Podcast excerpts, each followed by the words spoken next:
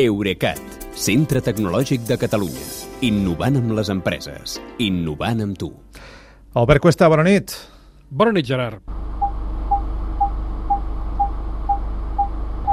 Això que estem sentint, Albert, els conductors de cotxes relativament moderns, estem acostumats a sentir això, aquests sorolls que estem sempre sentint quan aparquem, quan ens acostem, ara, ara, massa una columna no, del pàrquing, Sí. o un patinet que ens passa pel costat, però a partir d'ara, a més a més, també podríem sentir això altre, ben diferent.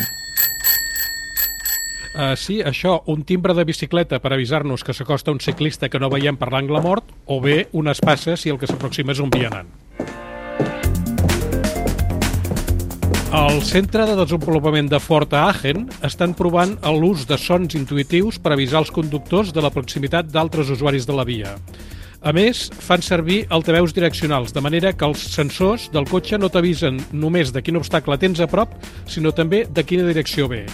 Els enginyers de Ford diuen que combinant la direccionalitat i la simulació sonora, els conductors estan identificant correctament l'origen i la naturalesa del perill en el 74% dels casos. Clar, això és el que sentim si estem conduint, el conductor que està al volant dins del cotxe, eh? però, però a més a més també hi ha altres sorolls que, que sonen a fora del cotxe.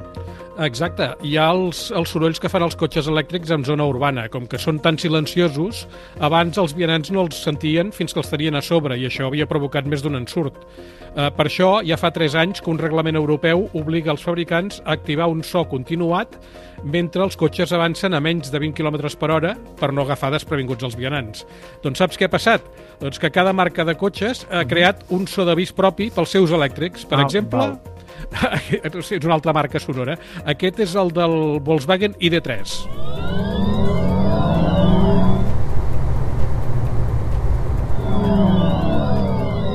Amb el cas del, del Volkswagen, el del model ID4, eh, de la mateixa marca, també és diferent, com també ho són els de cada model elèctric de Mercedes.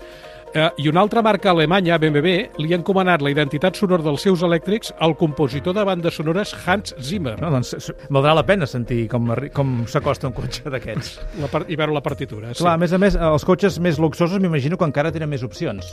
Uh, sí, si pagues és per alguna cosa. El Porsche Taycan sona com un exportiu de combustió i si pagues 500 euros de suplement hi pots posar un MP3 teu amb el so que vulguis.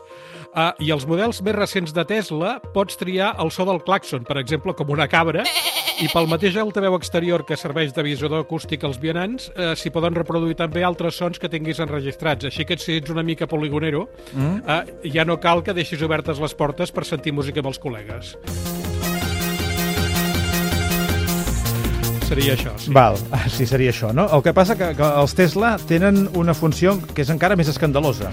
Sí, des del finals de l'any passat. Eh, és la funció de megàfon, que si l'actives, tot el que dius que quan condueixes, el que dius dins del cotxe, eh, se sent per l'altaveu exterior. O sigui, allò de... Ha arribat el, ca- el camió de los colchones, no? Els venedors de matalassos, els esmoladors de, de ganivets, els artistes de circ que van pels pobles anunciant les seves coses, tot això ho podríem fer, diguem, amb el que porta incorporat un, un Tesla. Sí, el que no sé si un Tesla seria gaire dient per, per, carregar-hi una pila de matalassos. Això però, també fi, ho té. Molt bé, doncs, escolta, Albert, gràcies i molt bon cap de setmana. Fins dilluns, Gerard. Adéu. Ya está aquí el afilador. Se afilan cuchillos, navajas, tijeras, hachas, machetes. Eurecat, centre tecnològic de Catalunya. Innovant amb les empreses. Innovant amb tu.